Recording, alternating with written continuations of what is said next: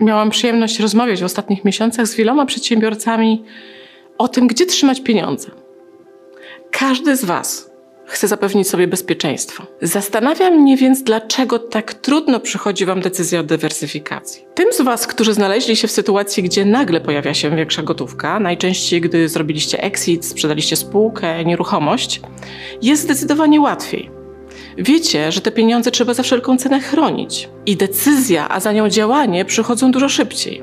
Ale jeśli nie przeżyliście takiej nagłej zmiany, a wasz portfel rośnie powoli, organicznie, to akceptujecie ryzyko i trzymacie pieniądze w Polsce, ograniczając dywersyfikację do rozłożenia pieniędzy po kilku bankach w Polsce. Chciałabym powtórzyć, chyba kolejny raz.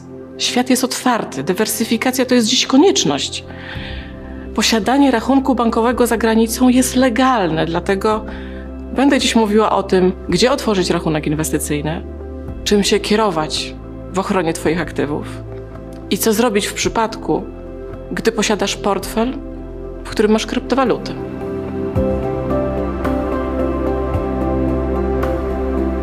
Cześć.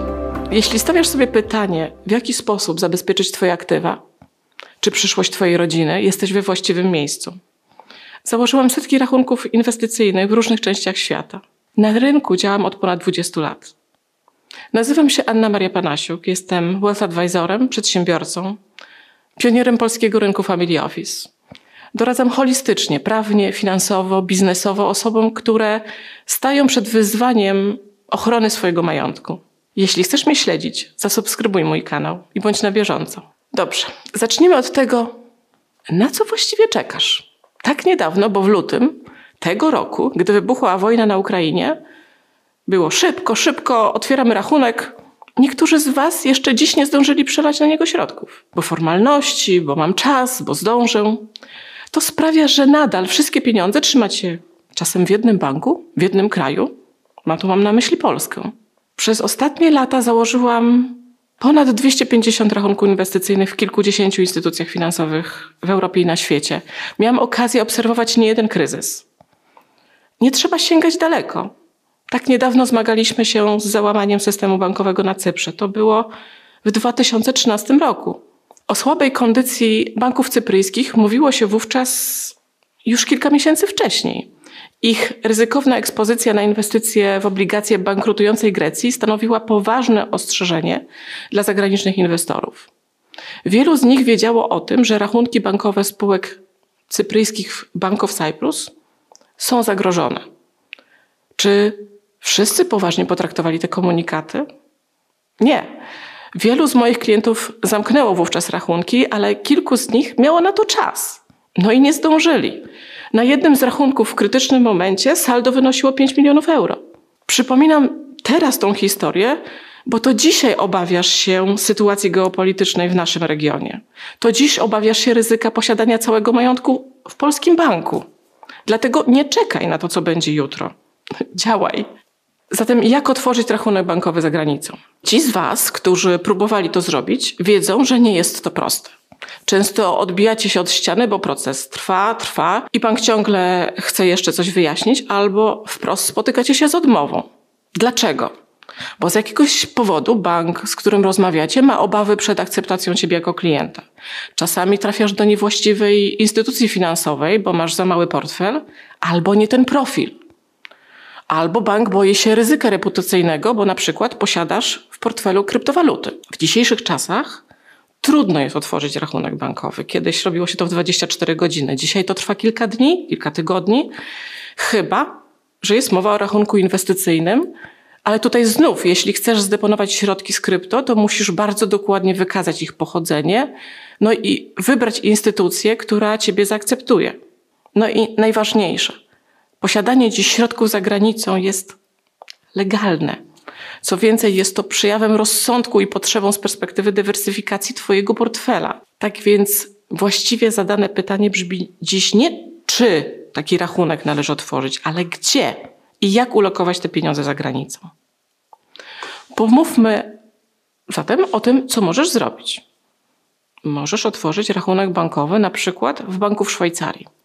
Aby to zrobić, powinieneś dysponować kapitałem przynajmniej jednego miliona franków.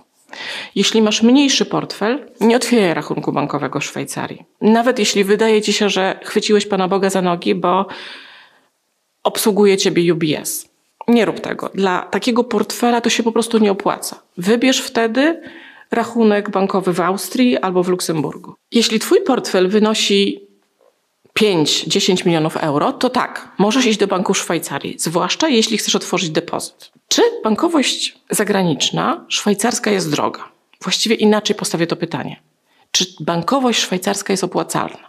Jeśli patrzysz na koszty, na przykład za zarządzanie Twoim portfelem, to opłaty w bankowości szwajcarskiej wynoszą w zależności od portfela 1%, czasami 0,7% wartości aktywów. Jest to opłata roczna. Czy jest to więcej niż koszt trzymania Twoich środków w Polsce? Popatrzmy na depozyty. W bankach polskich możesz dziś uzyskać 7-8% na lokacie w złotówce. Mówimy w grudniu 2022 roku. Czy wiesz, że w Szwajcarii możesz dziś otworzyć depozyt na dwa miesiące przy oprocentowaniu 10% w złotówkach? Teraz pytanie, która bankowość jest faktycznie opłacalna? Jeśli chcesz inwestować swoje środki aktywnie, możesz zdecydować się, czy zrobisz to bezpośrednio z bankiem, czy skorzystasz z usług Family Office, które będzie zarządzać Twoim portfelem. Korzystając z usług Family Office z kolei, masz dostęp do całego rynku finansowego, które w inny sposób nie byłyby dla Ciebie osiągalne. Przykładowo, nie mógłbyś otworzyć rachunku bankowego w jednym banku w Szwajcarii, a rozlokować swój portfel pomiędzy kilkoma instytucjami finansowymi w celu dalszej dywersyfikacji i ochrony Twojego portfela. Korzystanie z usług Family Office pozwala Tobie również na dostęp do instrumentów finansowych na takich warunkach, na jakich mają dostęp tylko instytucje finansowe. A korzystając z możliwości inwestycyjnych w Polsce, jesteś ograniczony do inwestycji w złotówkach, skazany na wysokie prowizje polskich banków, a one są wyższe niż prowizja za zagranicą. Oferta banku szwajcarskiego zaczyna się od 1%, potem możesz ją negocjować w dół. Oferta banku w Polsce zaczyna się czasem nawet od 3%. Wychodząc za granicę, możesz pójść dalej. Otworzyć rachunek poza wpływami regulacji unijnych oraz automatycznej wymiany informacji, jaka została wprowadzona w 2017 roku. Jest wiele instytucji finansowych poza strefą wpływów i wymiany informacji, zgodnie ze standardami CRS. Takim rynkiem jest na przykład rynek amerykański.